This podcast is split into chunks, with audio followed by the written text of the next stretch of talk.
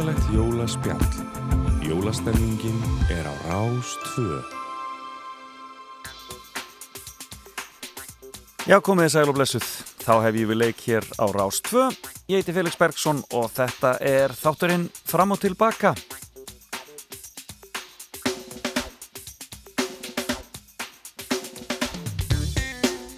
Ég er búin að hlaka alla vikuna til að setja sniðu með ykkur hér á laugatasmortni og eh, eiga með ykkur góða stund. Það er komin 5. desember, vonandi komin jólastemning í alla og eh, við fann að hlaka til hátviðana. E, e, það var dásanlegt veður í höfuborgin hér í morgun, kallt, sjöstega frost en nú nú voru stillur og það munar svo ótrúlega miklu og ég sýnist nú bara svona á, minnskosti, á kortinu sem ég hef hér fyrir frammi á veður.is að það sé nú frekar rólegur vindur á landinu öllu. En e, við hefum pottið eftir að heyra betur af því hér e, á eftir í öllum fréttum. En það er sem sagt fremur hæg suðulega eða breytileg átt og bjart með köplum á landinu í dag en setnipartin snýst í suðaustan kalda með dafli snjó komu suðvestan til og það verður nokkuð kallt í veðri en frosti verður yfir þetta bílunni 3-16 stig kaldast í innsveitnum norðanlands ég get ímyndað mér að það sé kallt núna í mývasveitinni en öruglega dásamlegt eins og alltaf En við ætlum að gera margt skemmtilegt í þessum þætti. Ég ætla að e, síma austur. Ég ætla að heyra í henni Björgu Björnsdóttur, ljóðskóldi og mannaðustjóra skóraktarinnar. Hún var að senda frá sér bók sem heitir Árringur og e, e, hefur fengið príðilega dóma og við ætlum að rapa saman. Hún ætlar að vera í fimmunni hjá mér og það verður frumleg og skemmtileg fimma. Segjum ekki meira um það í byli. Það er aldrei öðru vísi og meira það eftir og svo er það allir hringina Láru Óskarsdóttur sem var að senda frá sér sín fyrstu skálsjóðuna, hún heiti Littli Garðurinn dáista fólki sem að kemur sínum verkum á framfæri til að heyri henni hér eftir nýju fréttunar og um, kynna staðins Láru og heyra af þessari sögu sem er vægast sagt um, já mögnuð. Síðan er það fréttakjöturinn á sínu stað og við erum með glæsileg velun í dag. Það er um, gjáiðbreyfi Krauma sem eru náttúrulegarnar við deildatungu hver. Og svo erum við hér með korki meirinni minna en kærleikskúluna og jólasveinin. Þetta árið, bjúknakrækir er það e, og e, þetta er allt frá styrtafélagi Lamar og Fallara þannig að við e, heyrum betur að þessu hér á eftir. Segjum betur frá þessu, þannig að það verður mikilvæglan í fréttagetunni í dag. En við skulum bara skella okkur að stað. Það er margt að fara í gegnum í dag og margt og mikið skemmtilegt sem býður okkar. Ef við ekki að byrja á að heyra í Bjögga Haldurs þar hann segir okkur frá lægi dagsins sem er lag með Brimkló. Ekki jólalögin alveg strax í því eða sleppum við í miskusti og fáum jólalög hér og eftir en þetta er fyrst.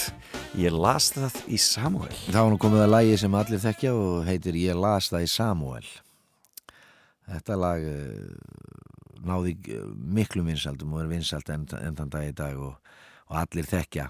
Og Steini Eggers gerði þennan texta og, og, og efnistökin í þessum texta eru þannig að, að fjallar um mann sem lendir í klóm fjölmiðlana og, og beigði þetta svona lauslega á, á því sem ég meðal annars lendi í og aðrir í, í fjölmiðlum og millir tanna á fólki og og svo eru bara menn með misjaflega þykkan skráp og ég held að ég sé með, með þann þykka. Þetta er skemmtilegt lag, ég las það í Samuel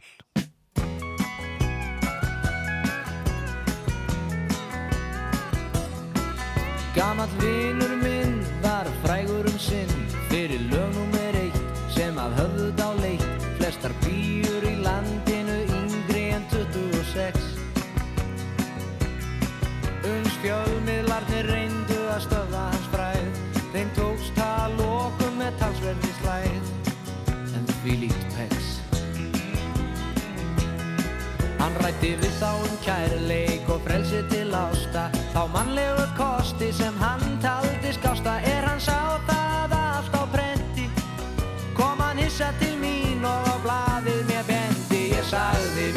flesta en þegar þú leist að þá virkar það alveg fattar sem varnaleg fæla tómiðlis og stælar samt sæði ég þeim þetta. En ég er eins vona það ætt ég að vona ég meinti það allt saman vel. Þeir spurðu mig frétta ég sagði alltaf létta mitt. Mannónið broti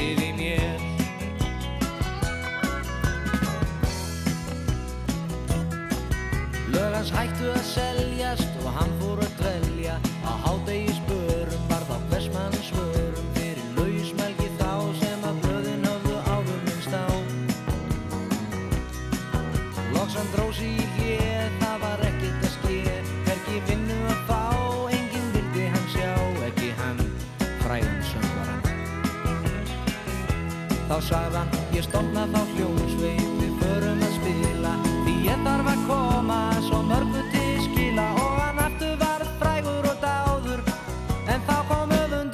sem að feldi hann áður. Hann sagði, jú flest að en þegar þú lest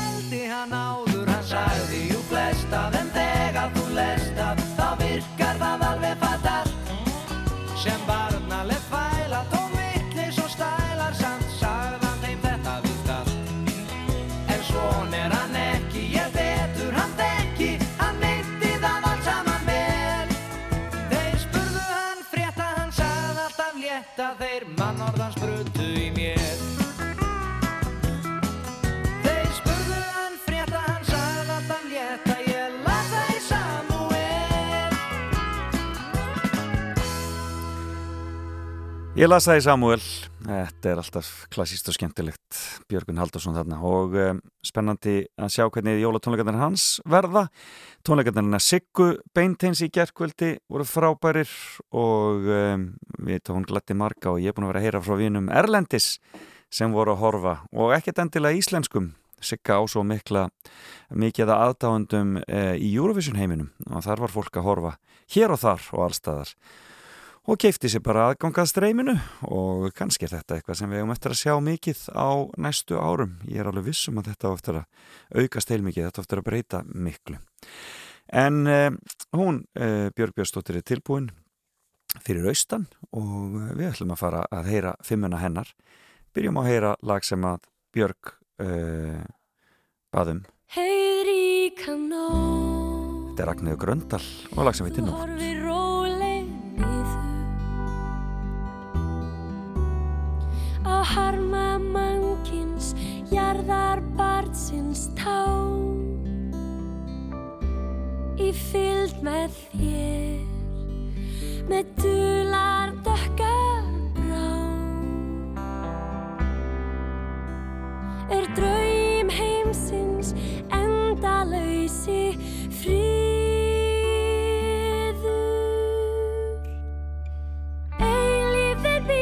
við draumsins gler og byrtu slægir á allt sem jælust er Heiðríka nótt,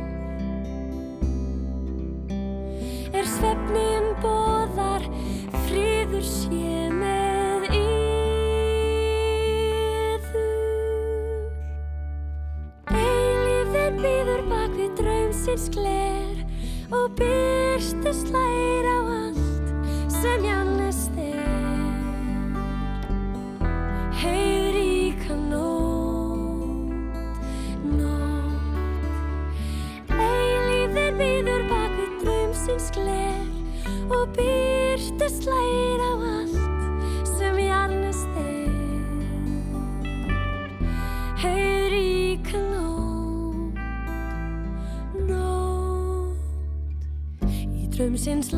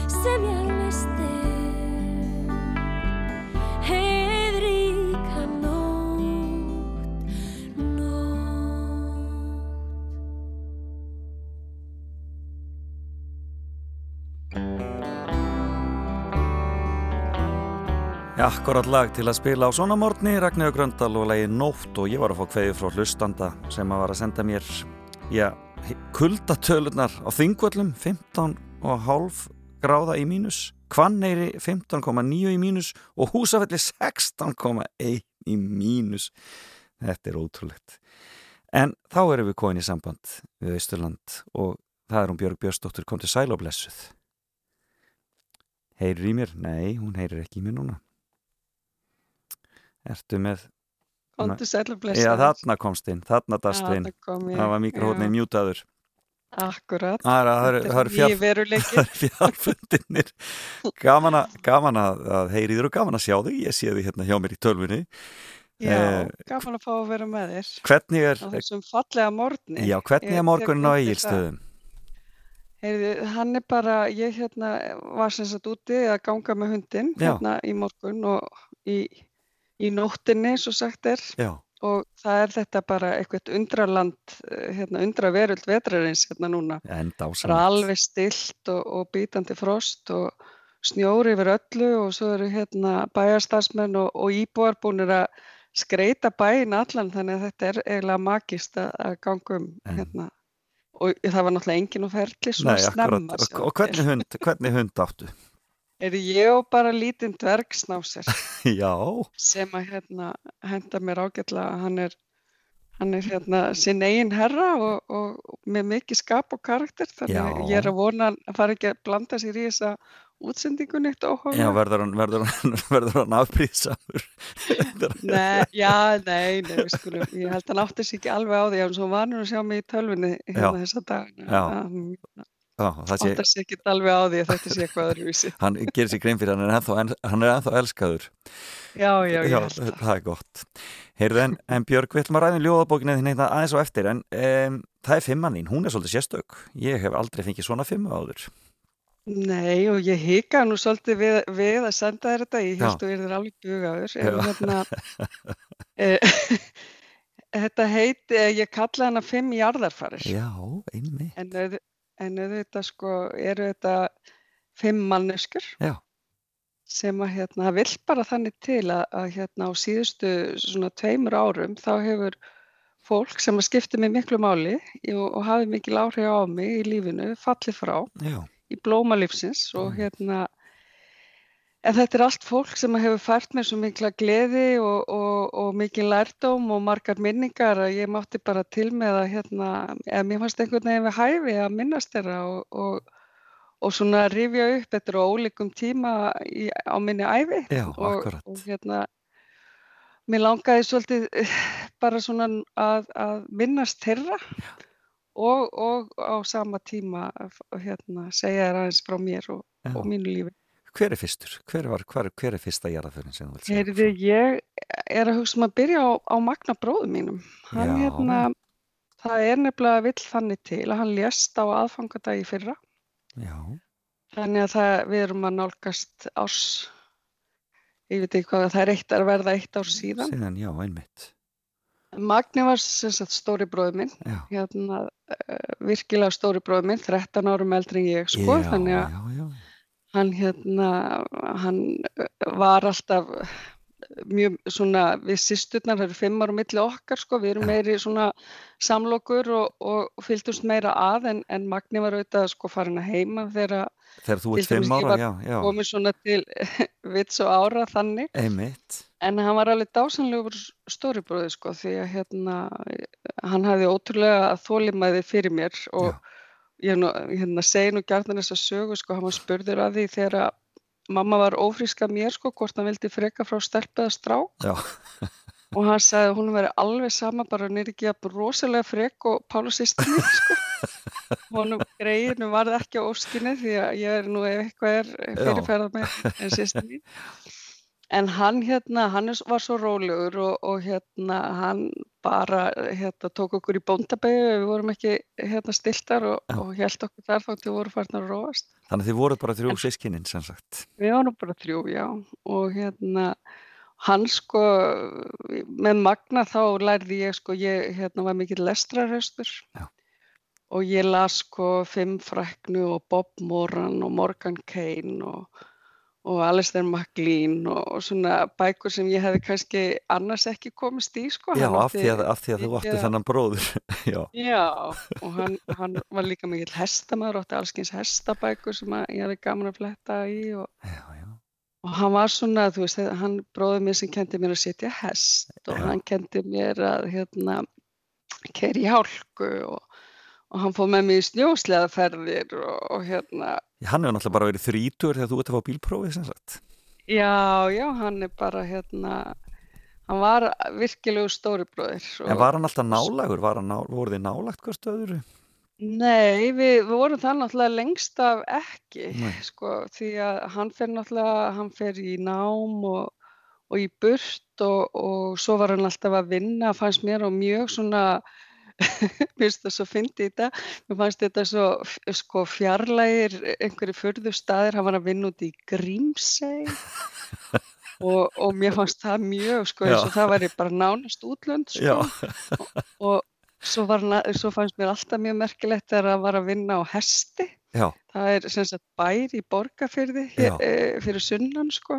Einmitt. og mér fannst alltaf mjög skrítið að segja að hann var að vinna á hesti með, hérna, og, svo var sko Ma- Magni var líka, hann var svo ótrúlegur sko, hann hérna hann var mikil dansa, hann var í þjóðdansafloknum hérna. Já, og hann var að ferða sko til erlendra landa sem að hérna, þú veist, ég var á 19 ára þegar ég fór fyrst til útlanda Já. sko og ég, fekk, ég á sko postkort frá Magna frá Rússlandi og ég man ekki hvert þau fór ekki sko og, í þjóðbúningum með- og söðskinskóm og öllum pakkanum. já, öll heila pakkanum Já. í, sumarhitunum í hérna stundum sko og hérna Þannig að eh, hann var náttúrulega sko fellur frá bara allt og fljótt auðvitað. Hvað er og- hann, hvað er og hann gamall þegar hann fellur frá?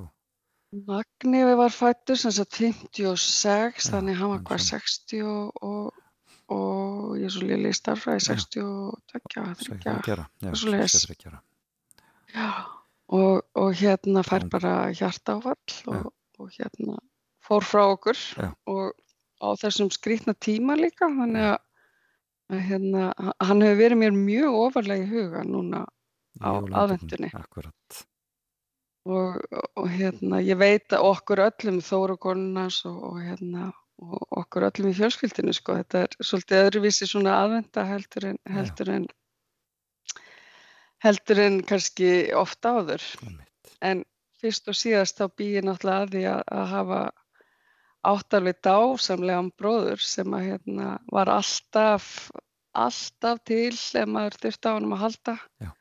og, og, og hérna líka svolítið þegar jarðaförin var sem var nú líklega bara hún var í byrjun janúar og, og eina af þeim kannski síðustu árun kom uh, COVID Já, og, og það sem mátti koma fólk. Og það er þetta líka með sko maður heldur alltaf að maður þekki fólk út og inn sko.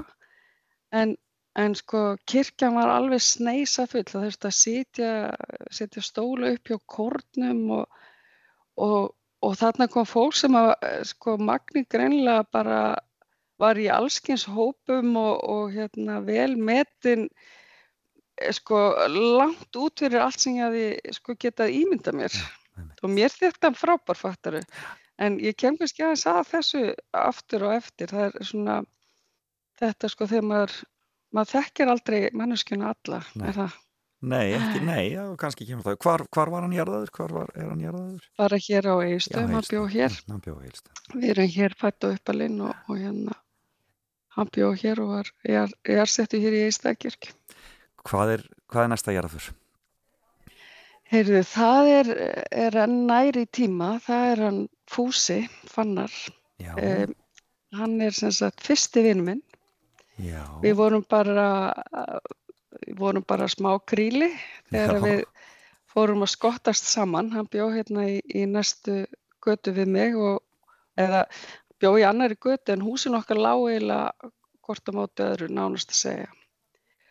Og við vorum alltaf saman, vorum algjörlega óaskiljanleg og, og hérna fórum hér um uh, okkar ævintýra veröld sem voru sko garðarnir hérna hjá mömmu og Já. pappa og svo hjá afa hans og ömmu og, og hérna hann bara, við erum sérst jafnaldrar. Mhm, og við vorum bara alltaf saman. Og sko eldri hlustundur þeir muna kannski eftir það var víst, ég man ekki eftir því en það var víst hér einhver svona barna uh, persóna eða svona í einhverjum það var eitthvað barna efni þar sem var fúsi flakkari já, já, það var hérna svona Björn sem hún var með hún Kristín Ólafsdóttir með sér í stundin okkar. þessu Já, ég er svona kannski líka því að maður kynnti sér þetta svona aðeins síðar en þegar maður fór að vinna Já. þessu sjálfur en Fúsi Flakkar var gríðarlega vinsæll.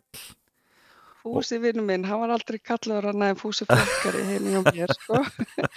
Af því að við vorum náttúrulega á sífeldu flakki Já, og, og, og veist, allt varð ævintýri í, í hérna okkar ferðum sko. Við vorum alltaf að smíða eitthvað og gera eitthvað og, og við, þessi vinskapur hann helst náttúrulega alla tíð en við vorum óaskiljanlega eiginlega fram á, á hérna úlingsárin sko, þá svona þótt var Fú- Fúsi farin að fá einhverja pillur frá strákunum að vera með þessa stelpi eftir Já, sko. akkurat, já. Kannski ekki að alveg nógu hérna- cool svona, svona þegar. það var ekki alveg nóg kúl sko en, en við vor, hér, vorum náttúrulega alltaf sömu perlu vinnirni sko Og hvað fóruð hérna- þið þá í sitt hvora áttina eða hvað þarna úlingsárunum? Já, nei, nei, það get ég ekki sagt. Nei. En við hættum kannski að vera saman upp á hvern einasta dag, Já, hverja einustu akkurat. mínútu. Já, En með Fúsa, sko, þá hérna, ég held að ég geti þakka Fúsa fyrir það að ég er mikill uh, fótbolta hérna bulla já, og við heldum bæði alveg heitt trúaðir Manchester United aðdáðandur, sko. já. Ég þakka Og þá fyrir hérna- þetta viðtal, ertu blessuð og sæl? Nei, Nú, er það svo? það er púlarinn hérna sko. Já, Já, þið voru já, svona, já, þið voru já. svona mikið Manchester United fólk, já.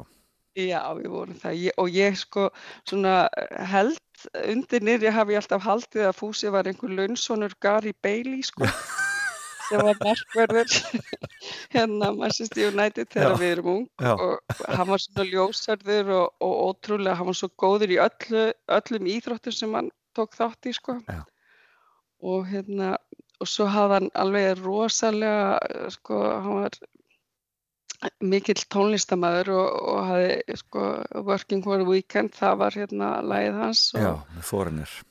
og, og svona allskins hérna hann heimtaði alltaf, sko við sett, sátum mjög gjarnan á úlingsárun, þá vorum við mjög gjarnan hérna nýri heldúsi hjá mömmu henni til ómeldrar gleði og hittumst þar krakkarnir og vorum að spila við Já, spilum já, og já. spilum gaman, mikið já. og þá þurfti hafi fúsi mjög sterkar skoðanir á því hvað að leika hérna, meðan við værum að spila það mátti ekki vera hvað sem er sko hann var líka í hljómsveit svo og ég fekk að svona sitja í bílskurnum Já. hérna þegar þeir voru að æfa þá svo ég einhvern veginn hérna yfir Já, akkurat. og, hérna, og það var mér fyrsta hljómsveitin þeirra hérna örgulega Rustikus sko og, og, og síðan sem er náttúrulega, mér finnst í dag og ótrúlega cool nafn sko Rustikus, já.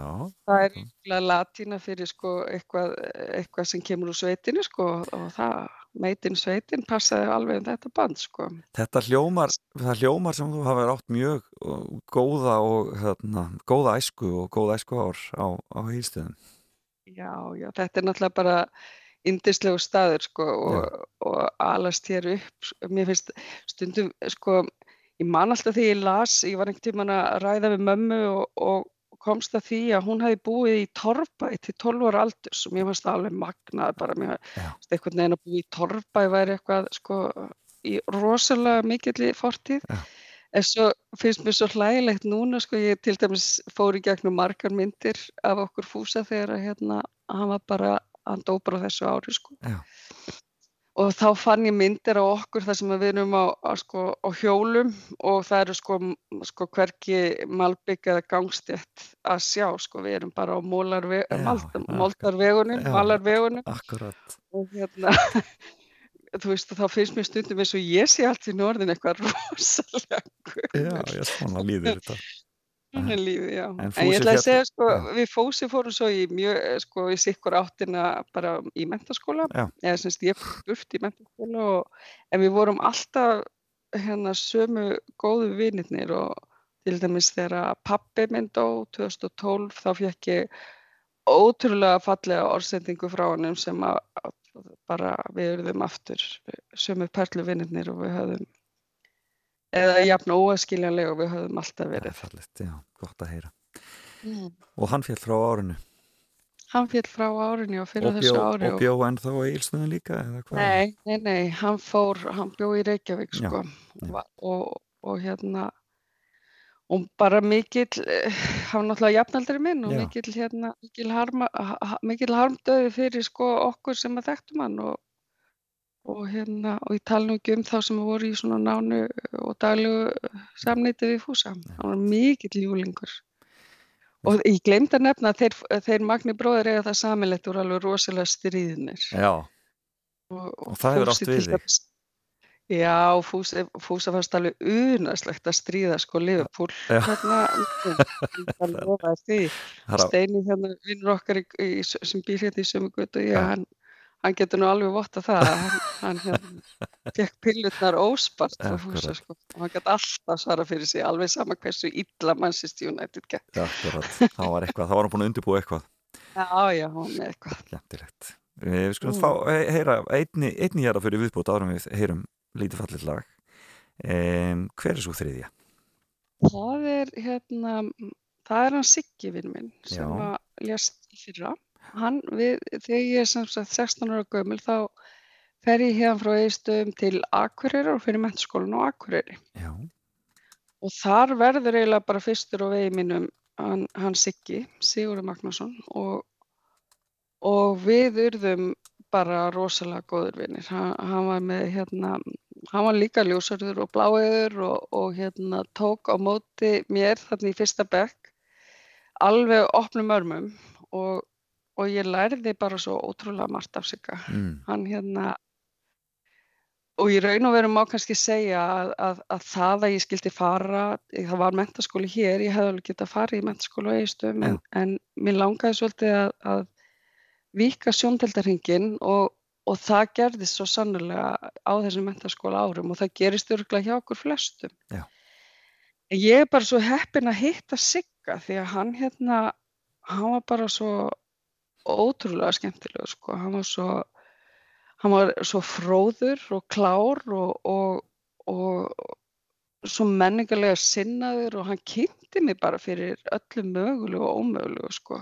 já, Og við vorum þarna hérna, mikið þríegi þetta fyrsta vetur í mentaskólanum hérna, við Siggi og Melkorka Tekla Ólafsdóttir sem ég held að þú þekkir. já, já, Líka. sem er í þjóðleikusinu.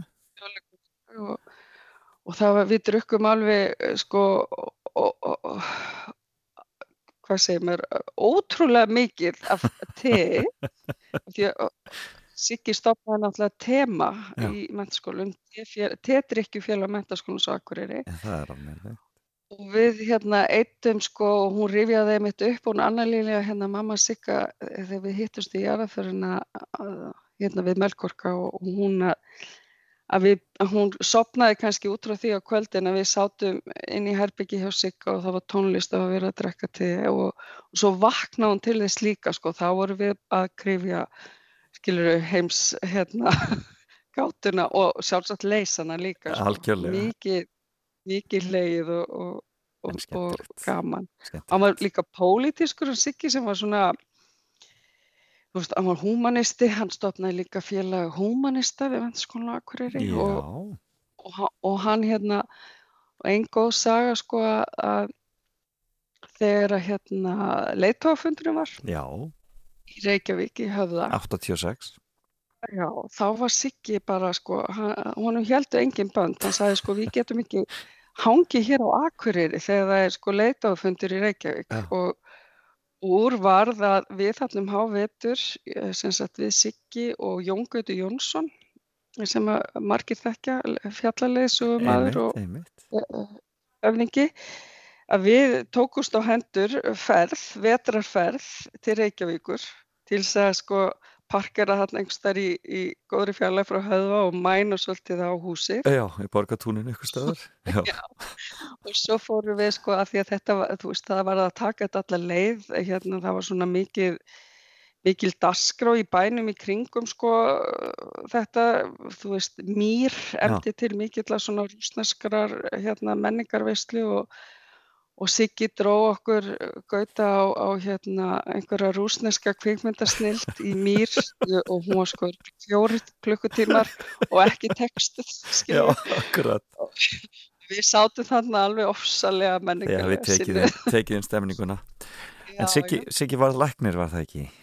Jú, Siggi, Siggi hérna, hann fór, fór í lækningar og, það átti náttúrulega varð sko barnalæknir og var svo í sérnámi til að verða sko bæta við sig heimilislækningum þegar hann lést.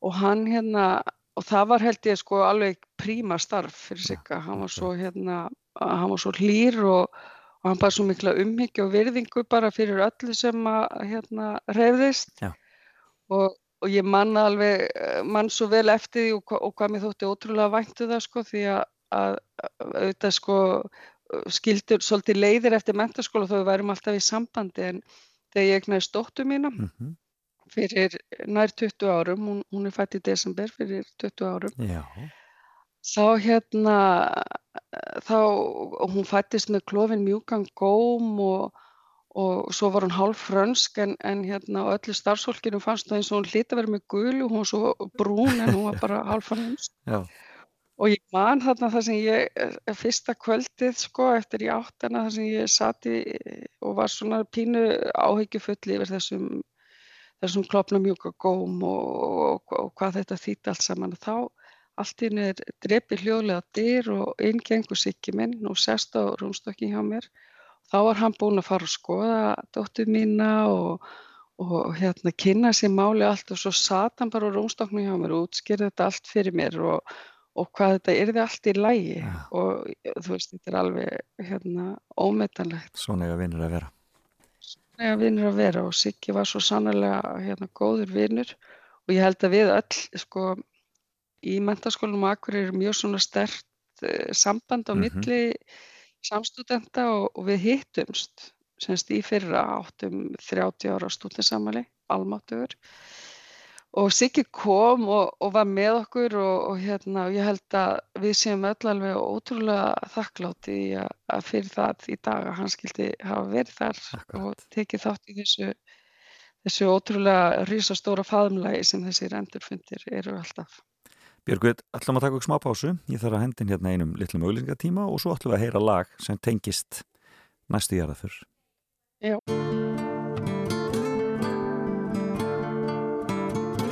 Þú ert að hlusta á Fram og Tilbaka með Felix Bergsinni á Rástfö. Elsku pappi ekki kaupa bíl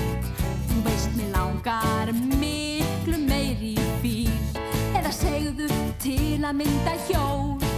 Við gætum rúlað hygglust heimsum ból. Þú veist þú bara stressast ef ekkur þú í bíl.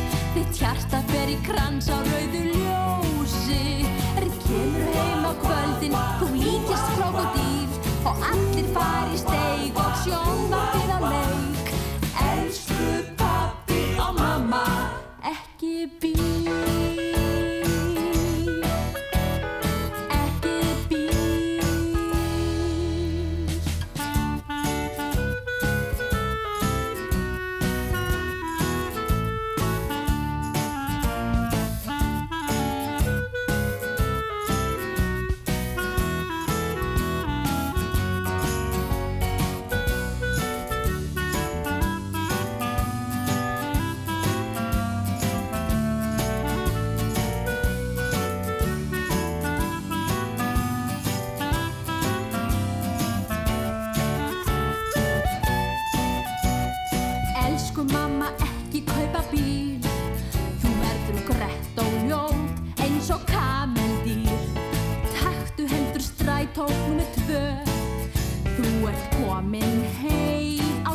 læginu sjö.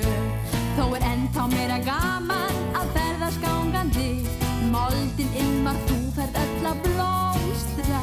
Heima krauma súpa á klósettinu við. Pappi sá um matinn, það er dúk á sjónvarpið. Elsku pappi og mamma, ekki bíl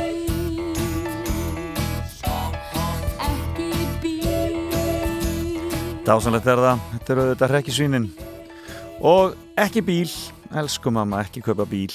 Og við erum að eh, rappaðina Björgu Björnsdóttur mannuðstjóra skórektafélagsins sem er stött á eigilstöðum og eh, fimmann í dag eru fimm jarðarfarir, fimm manneskjur sem eru gengnar. Og hver er í fjóruða, fjóruða manneskjan, hún tengist aðeins þessu lægi það ekki? Jú, óbeint sko, þetta, ég, við Siggi sem ég var að tala um aðan, við vorum saman í hljómsveit og spiluðum þetta lag og Já, ég, já, og ok. ég var að syngja þetta lag og, og þetta lag var náttúrulega upprunalega sungið af henni Dittu og Dittu var hérna besta vinkonan á Dóru Hafstens hérna sem að lést í fyrra líka. Já. og Dóra var mikil vinkona mín þegar ég hérna ég fór nú í nám Erlendis og bjó Erlendis um hríð og svo þegar ég kom heim aftur þá fór ég að vinna í þjóðleikúsinu já, alveg blöyt á bak við eirun þegar ég gekk inn í þessa eh, hérna, Já, Alva höll, já. Og þar stóð Alva drottningi sjálf hún, hún Dóra mín og, og við, hún var mín nánasta samstagskona og við urðum alveg ótrúlega góðar vinkonur. Og þið voruð í kynningarmálunum saman þarna, það ekki? Já, hvað? ég var kynningarstjóri sem sagt og Dóra var mín nánasta samstagskona Já.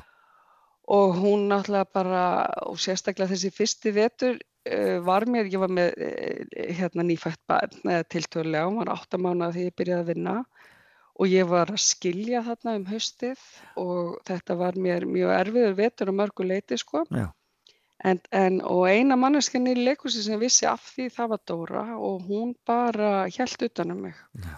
Og faðmörn hennar Dóru var svo hlýr hún, hún hérna hún hafði einhvern veginn alltaf tíma fyrir alla og, og, var svo góð og svo hún svo skemmtileg hún Dóra og svo Já. gaman að vera í kringum hana og hérna ég var einmitt að Hún var horfa náttúrulega dóttir, á, á dóttir Guðrúnar Stefensen Já, já, hún var náttúrulega bara leikhúsið var í sko blóðuna á. Akkúrat. Hún hérna, hún náttúrulega dóttir Guðrúnar og, og, og það var líka sko Dóra tók að sér að fara með hópa um þjóðleikhúsið og hún þekkti hvern krók og kima af húsinu. Og, og ég fór bara stundum með henni vegna sem ég var svo gaman að að hlusta á Dóru segja frá þessu magnaða húsi sem Já. við eigum og eigum að vera svo þakklátt fyrir að, að hérna hafi verið byggt af þeim stórhug sem var gert.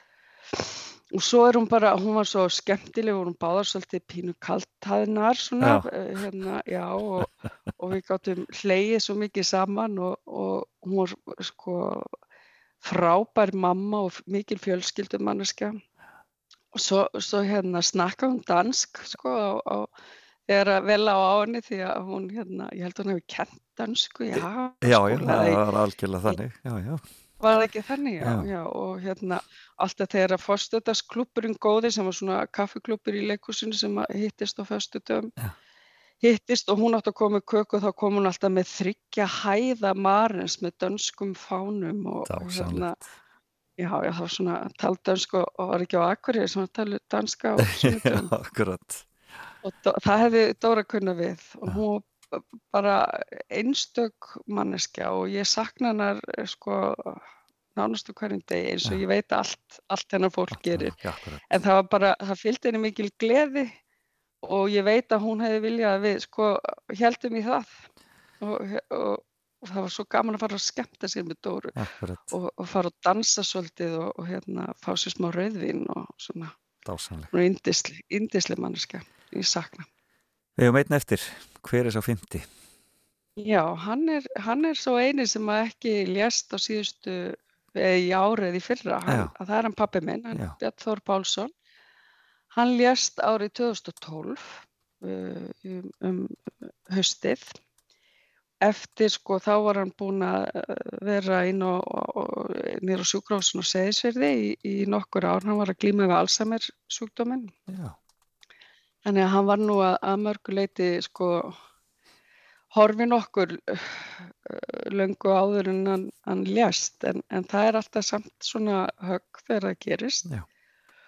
og í árring ljóðabókinni þá er hún, henni er svona skipt í tvent og, og ég er svolítið mikið að fjalla um sko kannski tíman og þessu svona eilifur hringra og sko, hvernig hann tíminn bara heldur áfram sama á hverju gengur og þessi döðsvöld hafa, hafa haft áhrif á þig í því? Já, og, og svona og kynnslóðirna sko, þú veist, tíminn bara heldur áfram, það er Já. alveg sama hérna hvað við reynum Já. að, að við, að þetta, það líður allt áfram og ástíðirnar koma og fara og setni hluti bókarinnar er ljóð sem heitir Ringur og bókin sem er til einhver pappa þetta ljóð er, er á sér mjög mikla sé, mjög mikinn innblástur í, í pappa minn. Já. Hvernig er að koma frá sér ljóðabók? Hvernig tilfinning er það? Eh, Það er mjög berskjaldandi, Já, finnst mér, Já, en hérna, en, en ótrú, auðvitað hérna, ótrúlega góð tilfinning að, að þegar maður hefur svona verið að ganga með eitthvað í þanganum mjög lengi, þá er ótrúlega gott að, að, að þegar maður sko nær eins og þú varst að segja í upphafskynningunni að, að koma þessu eh, frá sér og, og út og, og ég er mjög auðmjúk gagvart þessu ferli öllu sko, ég er náttúrulega alveg eh, ný í þessu og, og þó að sko skrif ég mentaður hérna blaðamaður og skrif hafa alltaf verið svona uh, sko stór hluti bara mínu, minni atvinnu. En, en þetta er auðvitað svolítið öðruvísi og, og ég notaði ljóðrænu dagsins svona til þess að hvað var að segja, íta mér í gang. Ég skrifaði ljóðrænu, nýja ljóðrænu í 365 daga. Já. til þess að koma svona sköpunar flæðinu á stað Og það er það sem Úr var að- þessi bók. Já, einmitt, frábært Og gerur þetta þá hverju morgni bara? Eða, Já, ég, ég, hérna, þegar ég fór þetta verkefni þá, þá gerði ég þetta, nei það var ekki hverju mótni, Nei. stundum var ég komin upp í rúm á Já. kvöldin og sem bara, Ó. ég á eftir að gera hérna ljóðrænu já, og þá, þá þurfti ég bara að grípa eitthvað úr deginum og, og, og, og flæða. nýta það, já Já, það, en það virkaði nægilega vel til þess að hérna, þetta vakti aðtegli Páls Valssonar Já.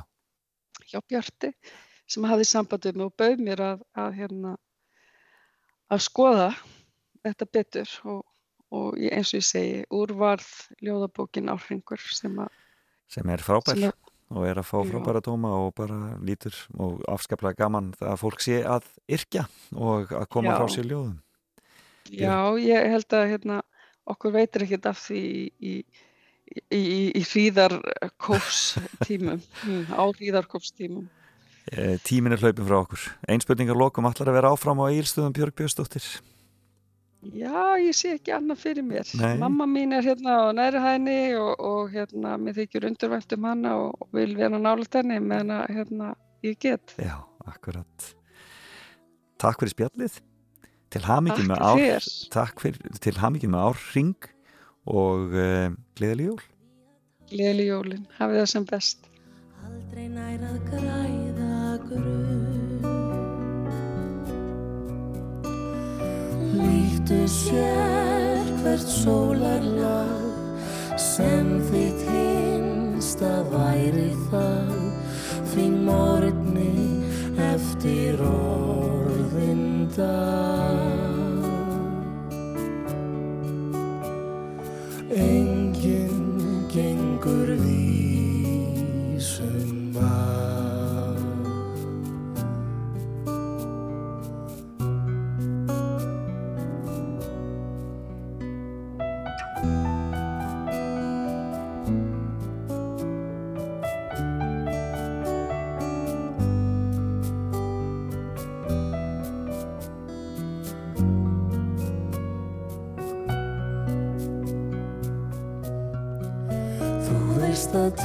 köldu fjötra enginn flýr. Enginn frá hans löngu glímu aftur snýr. Því skaltu fanga þessa stund Því fegurðin í henni býr. Líttu sér hvert sólarlag sem þitt hinsta væri það því morgni eftir orðin dag. Enginn gengur vísum að. Líttu sér hvert sólarlag sem þitt hinsta væri það því morgni eftir orðin dag. Enginn gengur vísum að.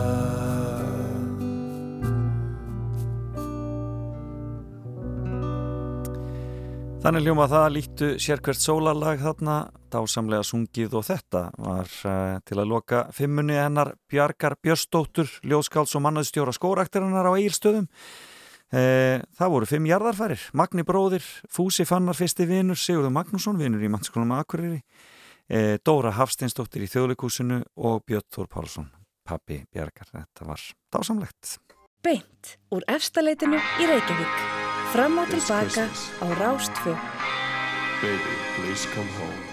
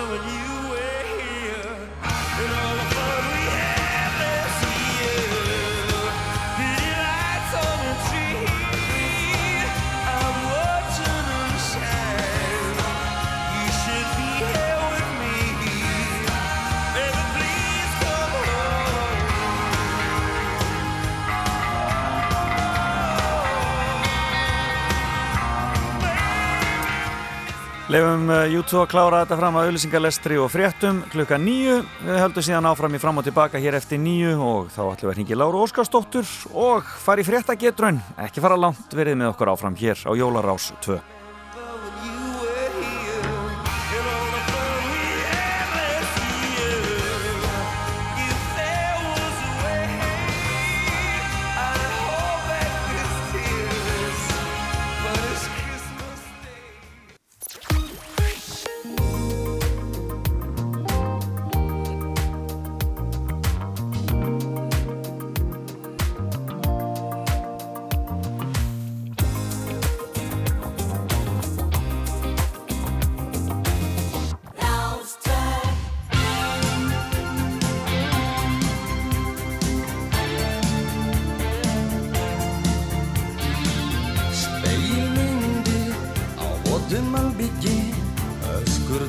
drúsins í nóttinni. Grátur eldsins inn í sólinni. Vegurðin kemur frá sálinni. Sólin svíður svarta moldina Líf sprettur af svitanum. Títavismi knýttum bakum Eitt lítið, eitt lítið. Segnast blóm Sáðum maðurinn Ykkir jarðina Láturinn kemur frá akrinum. Móður mjölkina Stígur sakleysið Frelsið fæðist í hjartanum. Endur fætur Ót í öðninni Stígur glamp í augunum. Títaðist mig nýttum vögum Eitt er lítið, eitt er lítið Segnast blóm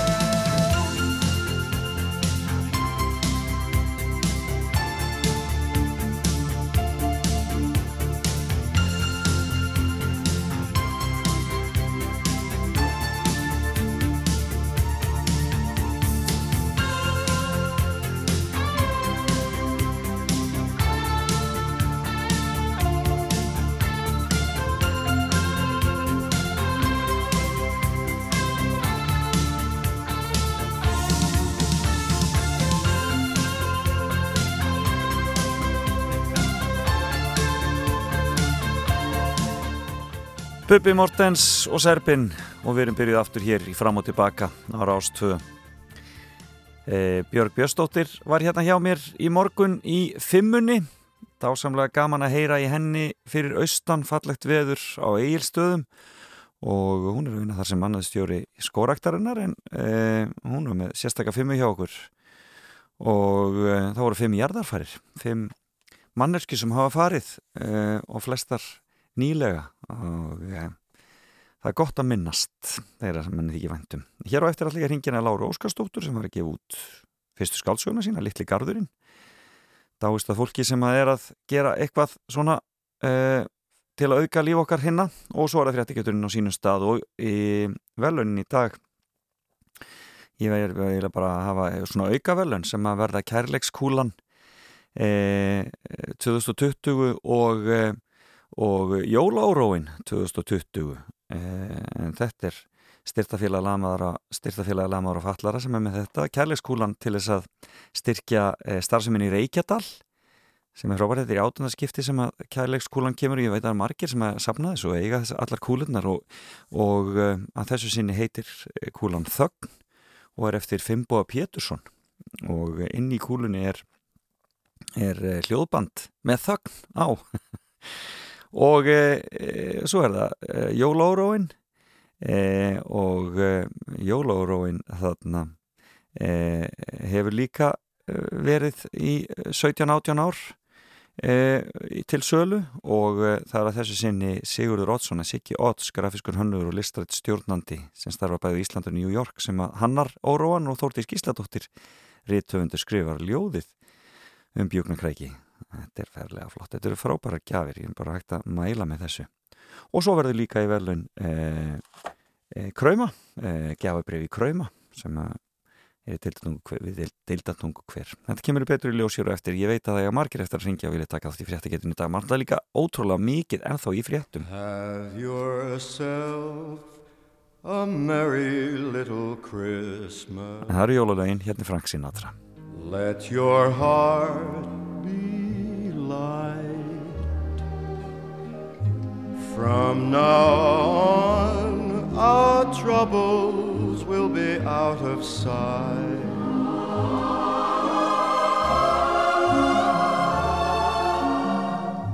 Have yourself a merry little Christmas. Make the Yuletide gay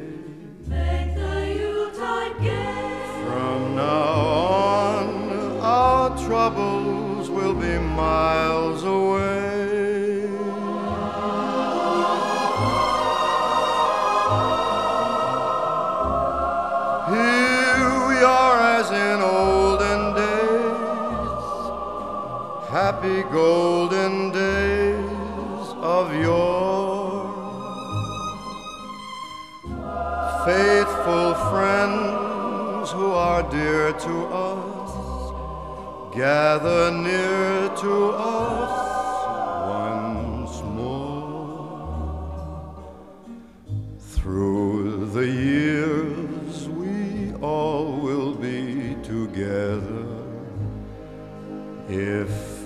fates allow. Hang a shining star upon the highest bough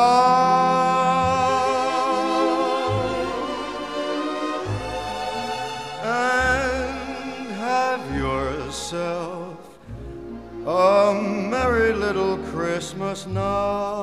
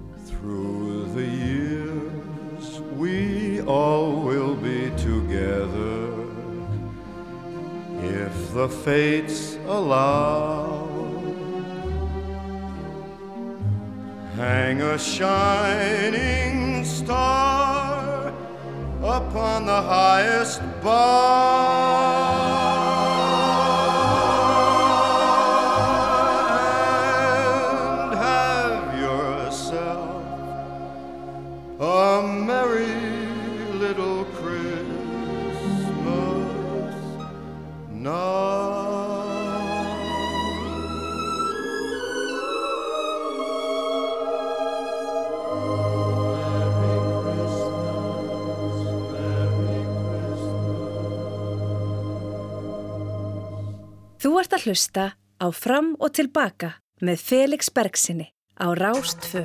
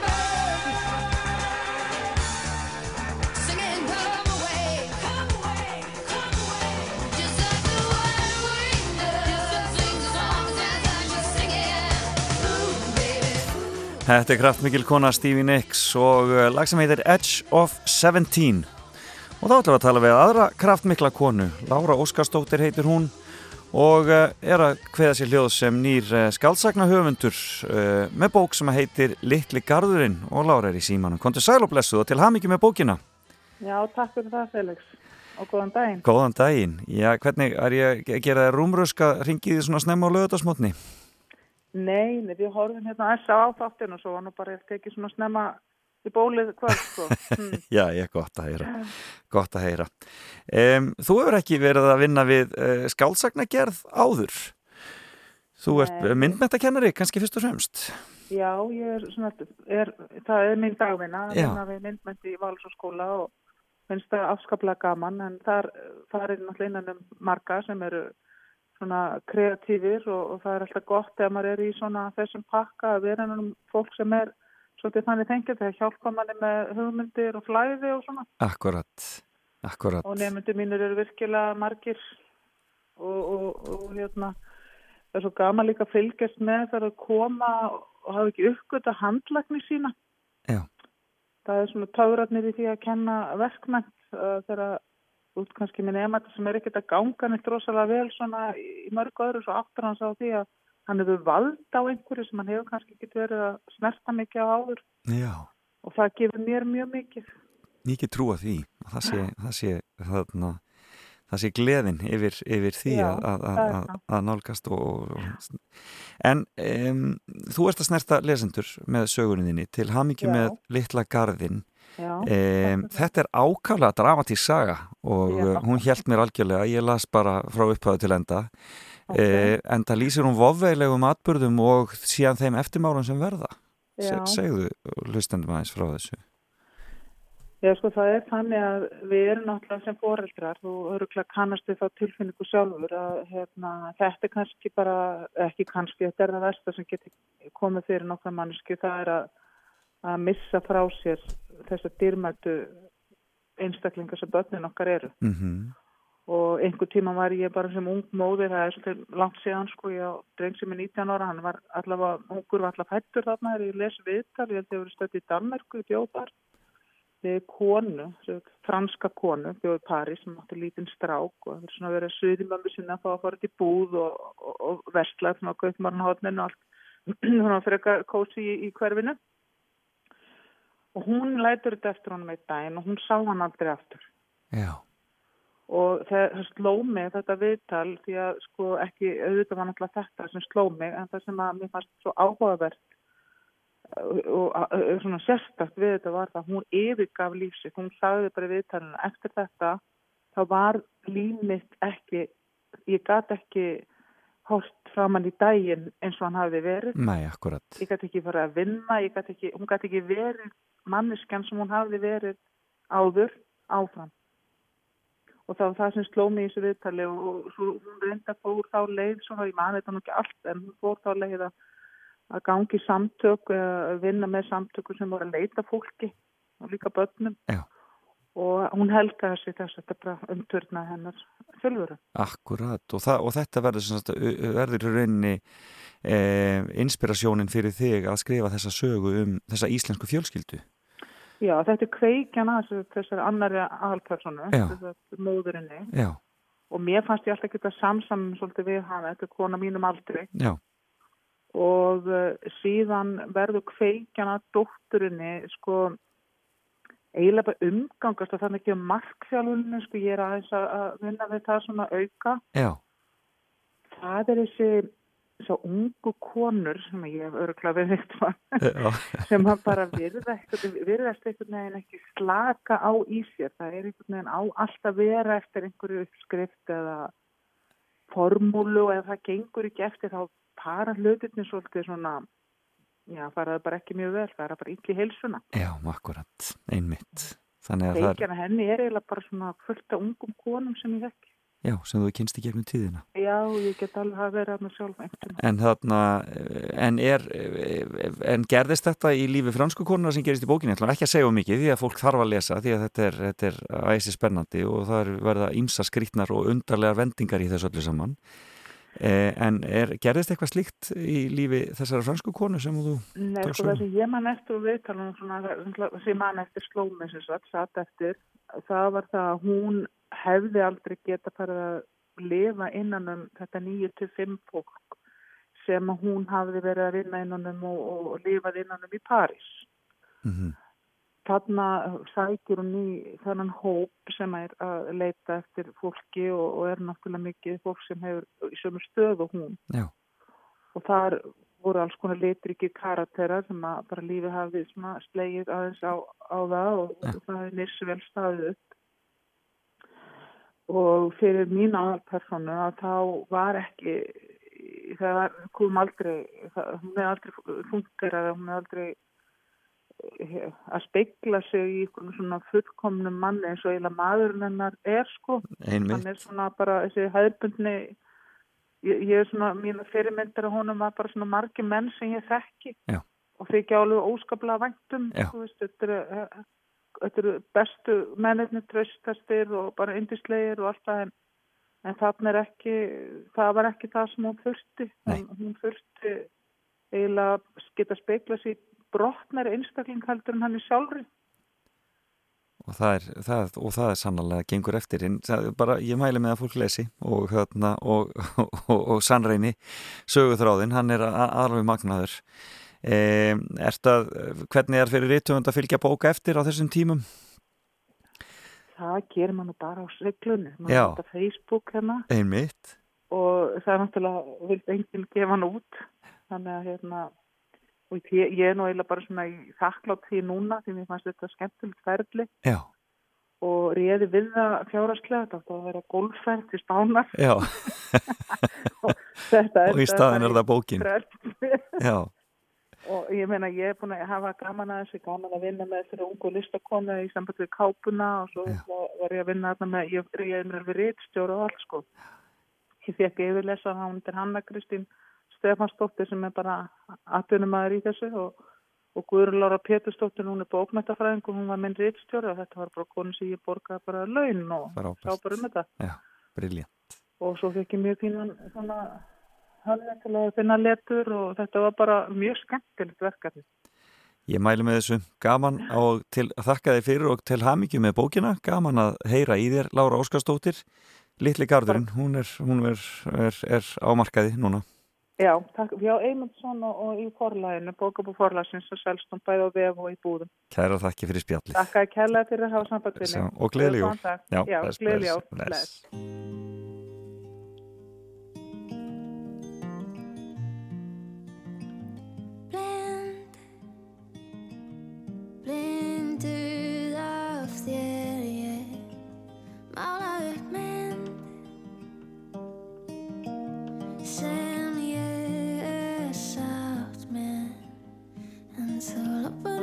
skambissu og dregur án úr slirinu og miðar henn á allir kring. Með höndina á sylginni og sveifluna á leikinni en ég lít alltaf undan að því. Brosið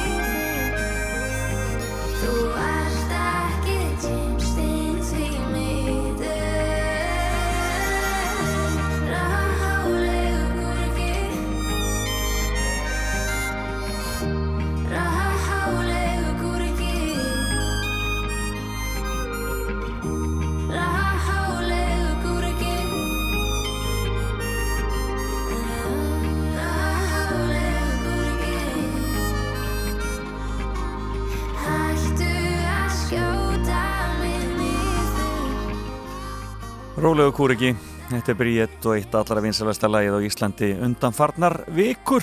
Uh, og um, nú meði fara að mynda ringiputtan og um, e, frétta heilan. Við ætlum að fyrir frétta getur hér eftir smástund. Fyrsta auðlýsingar og eitt lag og svo getur þið ringt 5, 6, 8, 7 1, 2, 3 Rás 2 Fyrst og fremst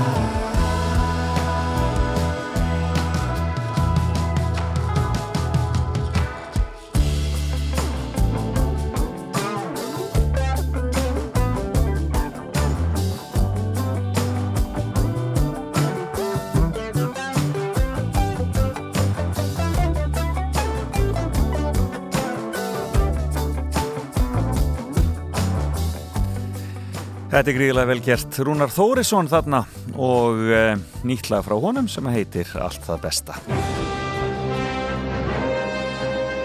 En þá megið þið byrja að ringja símin 5687123 5687123 Við ætlum að smetla okkur í fréttageturinn.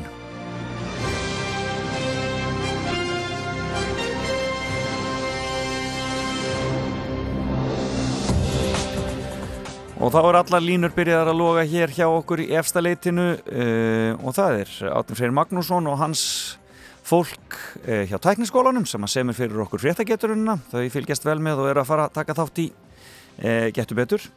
Og um, við skulum bara byrja þetta og heyra í fyrsta hlustanda. Við skulum fara í línu sjö. Góðan daginn. Góðan dag. Halló, heyrur í mér? Hæ, hæ, hæ, hvaðan ringir þú? Ég ringi nú bara á öndverðanessi. Öndverðarnesi. Já, sjóður það. Hvar er Öndverðarnes? Það er ekki langt að selfhúsi. Já, já, já, einmitt. Akkurat. Og er ekki ljúft í okkur þar á morgunin? Er ekki bara hið príðilegasta veður? Stilt og fallegt. Er veður. Já. Er alveg stilt. En- Og svo hljótt og bara svo fallegt. Eins og það á að vera bara. Já, bara gekkja. Það er skengið. Heyrðu, ertu til í fyrir þetta geturinn? Já, við reynum. Já, já, frábært. Eru þið, eru þið tvö þarna? Já, við erum bara tvei. Frábært, þannig að það getið hjálpast að. Það byrjar hér. Það stóð, það stóð til að opna lækningaminjasafn á Seltjarnissi en húsið hefur hins vegar staðið ónotað síðan það var byggt árið 2007. Núrð færða hins vegar nýtt hlutverk og hvað er nýja hlutverkið? Nei, nú er ég ekki með það. Þú ert ekki með þetta? Ég er ekki vilt með þessu. Nei, mistir þessu. Heyrðu? Já, ég misti þessu. Það er svona. Mál. Takk fyrir að ringja. Já, bless, bless. Nei, hún vissi það ekki. Við skulum heyra næsta. Góðan dag. Góðan daginn. Góðan daginn. Veist þú hvað nýja hlutverkið er fyrir lækningaminjasafnið?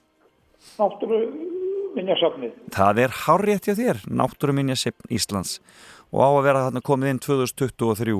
23. Þannig að það er, það er nú spennandi. Já. Hvað sögðu þeir í fréttunum? Það verið 130 ár sem er búin að býða til 100 húsnað. 130 ára, það var svar. Ólíkind. Heyrðu, hvað er þú að ringja? Ég ringi bara á Reykjavík. Já, úr höfuborginni. Já. Og það er ennþá jafn indalt veðrið. Ég er svo lokaður hérna inni að ég sé ekki, sé ekki hvernig er það er. frábært. Ég er að að fara að lappa því búin að tala við þig. Frábært gott að heyra. Ég leigubýstjórun sem kerði mig í morgun, hann hafði farið á hérna, úlfarsvellið í gerð, það hefði verið dásanlegt. Já. Heyrðu en nóðum það, hættum þessu blæður og höldum árum í fréttageturinn. Ég ætla að spyrja þið næst, ég ætla að spyrja þið næst, í vikunni En hvar eru austur eigjargöng? Það er færið. Það er hárrétt hjá þér og veistu hvað þau tengja? Nei, ég man það ekki. Nei, það er Ég austur fer eig austur og getur þú ímyndaði hvað austur eig tengist við? Nei, það er við Þórsöfn. Austur eig tengist við Þórsöfn með þessum göngum. Þetta er 11 km löng göng, hvorki meira enn minna. Já, það er 11 km. Þetta er alveg sko. Heyrðu, þú ert komið tvær réttar, þannig að þú ert alveg að ná að tryggja þér hérna krauma, hérna, krauma gjafabrifið. Já. Ef þú ert með það næsta rétt hjá mér. Vittu, hvað ætla ég að spyrja þig um hérna? Já, já, já.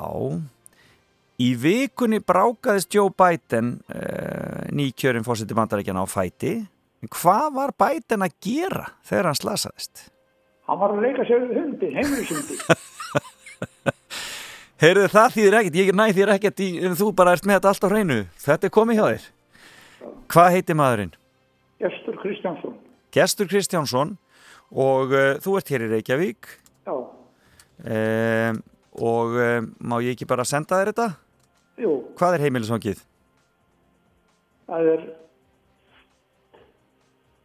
Það er... Já, hvað heitir það? Það er... Það er vinnan borgarspítalan, hvað heitir það? Já, nú veit ég ekki maður. Sléttuvegur. Sléttuvegur, númer hvað? 27. 27. Og það er hérna bara rétt hjá okkur hérna. Já, ég er nefnilega nýfluttur. Ég skilði. Heyrðu, gestur Kristjánsson á Slettuvegi, kærar þakkir fyrir að ringja og uh, þú fær gjafabrið í kræma. Það verður gaman að, að skella sér í heitulögatan þar þegar, þegar maður málóksins fara að synda aftur. Já. Takk að þið fyrir. Takkaði fyrir sömuleiðis.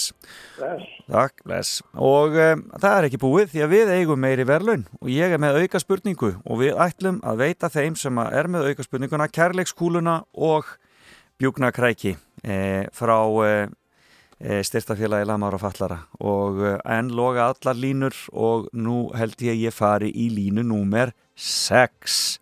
Sjáum hvort þessi með þetta. Góðan daginn! Já, góðan daginn. Nú er spurning hvort þú nærð þessari einu spurningu. Hvað ringir þú? Ég hringi Mósusbæ. Já, þú ert í Mosó. Já, já, já. Það er gaman, alltaf gaman að heyri ykkur í Mosó. Segðu. Heyrðu þið, þá er hérna. Já.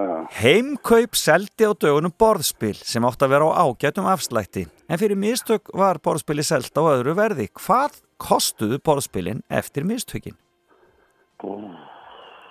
Nú kemur um erfiða stundin. Já, það, ég, það heldur að ég ætla að gefa þér þetta bara. Það er nú ekki svo Eftir einfalt. afsláttin, Ha? það er ekki, er ekki giska bara 5.000 katt?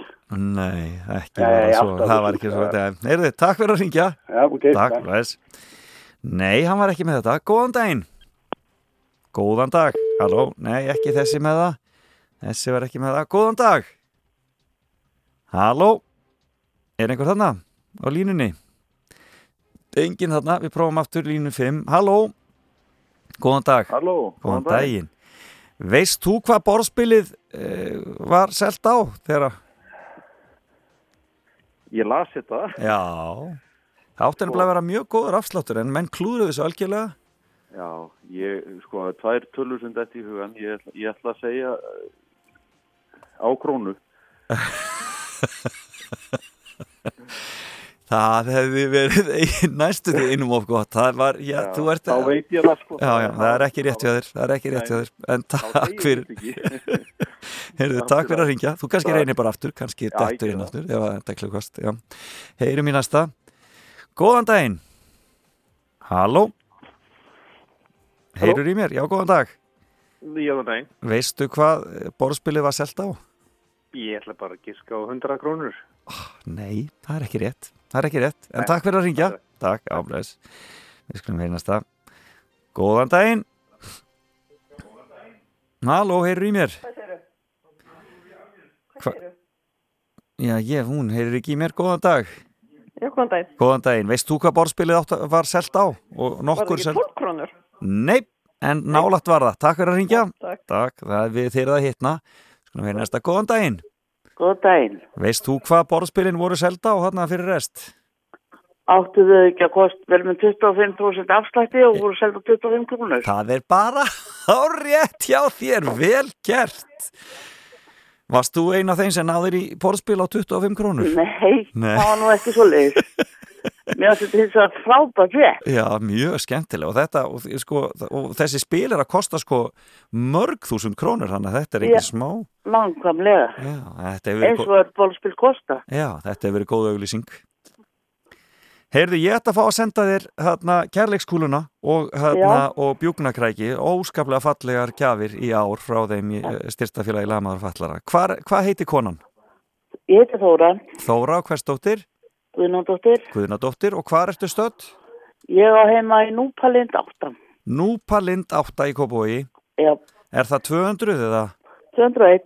201 Kópói Þóra, ég sendi þér þetta Kæra þakki Já. fyrir að taka þátt Gaman að Já, heyri takk þér. Já, Já, sömuleiðis. takk fyrir, Já, bless, bless Þannig hljómaði það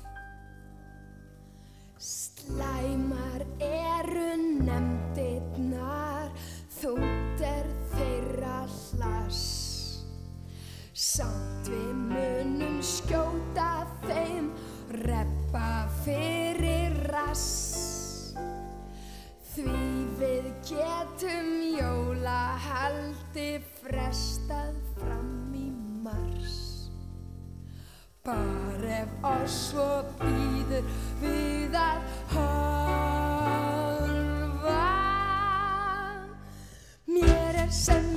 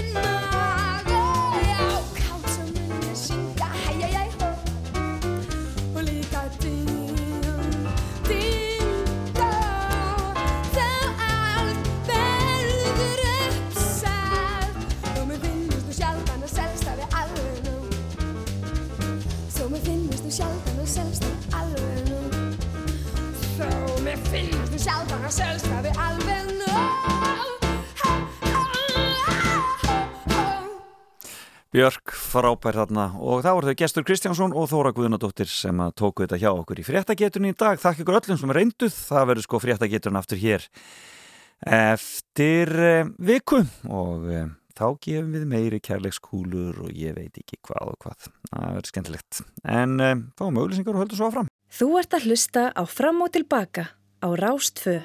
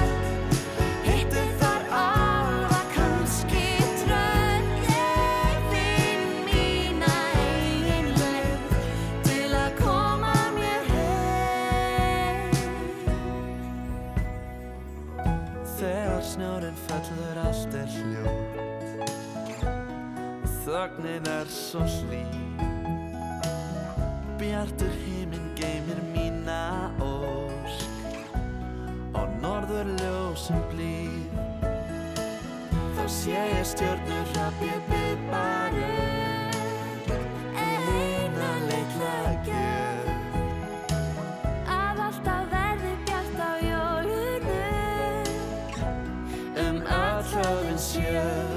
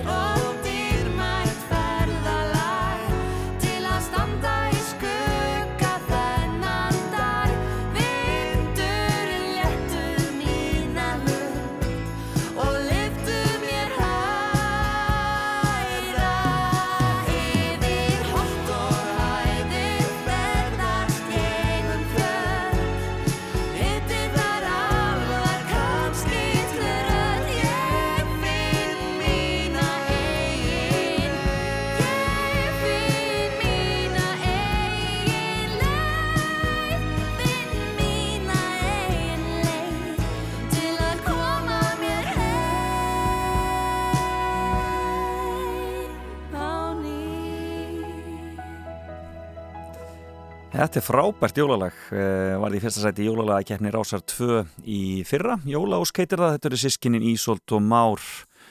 Og uh, þetta verður öruglega spilað heilmikið og svo er náttúrulega jólalagakeppnin að fara í gang hérna hjá okkur núna, við förum að heyra þessi jólalög sem að munu keppa í jólalagakeppni Rásar 2 í ár. Og það er vist gríðalega mikil þáttakað þannig að það verður spennandi að sjá uh, hvernig það fer allt saman og hverjir verða þar. En það er mikið dagskraf framöndan hjá okkur á Rástvö í dag. Ég býstu að flesti séu bara heima við í róleitunum uh, þessa helgina uh, að hafa það hugulegt. Uh, undirbúa jólinn og, og klára að kaupa síðustu jólagjafir kannski bara á netinu og svo leiðis og, uh, og e, svona undirbúa en hjá okkur hér á Rástvö byrjar morgunkaffið núna klukkan tíu það eru þau Björg og Gísli síðan eftir hátegisfréttir þá er heilarhristingur þar verður e, heilarhristingur á sínum stað komin aftur e, og Uh, og uh, það verða sér útgáfur í þessum þætti. Það verða maðgininn Anna Þóra Björnsdóttir Gleirungarsæli og uppistandari og Björn Leo Brynjarsson, leikskáld sem mæta öðrum fæðginum Berglindi Pétursdóttur, darskragjörður og Pétri Gretasinni þull og darskragjörðamanni, þetta hljómar nú spennandi heilaristingur klukkan 12.40 svo er allir það ekki klukkan 2 og síðan vinstandalisti Rásar 2 og svo minnum við auðvitað á bakalútstónleikana Cozy Hate í hveradölum í kvöld. En rokkum þetta aðeins upp. Hér er Guðmundur Rappkjell Gíslason og nýja lagi hans sem heitir Svona lífið. Ég seti í fjarlað og finn þennan stöðuga ströym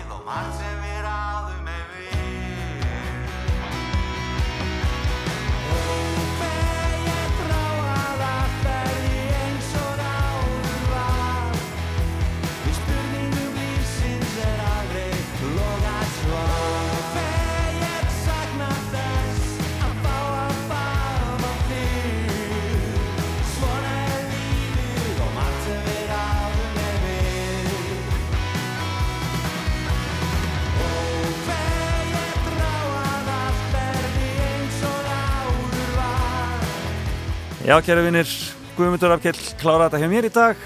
Gaman að vera með ykkur, hlakka til að vera með ykkur aftur eftir viku, ég þakka gestum mínum Björgu Björnsdóttur og Láru Óskarsdóttur fyrir þeirra þátt og ykkur sem tók þátt í fyrir þetta getrun Heyrumst aftur eftir viku. Bless, bless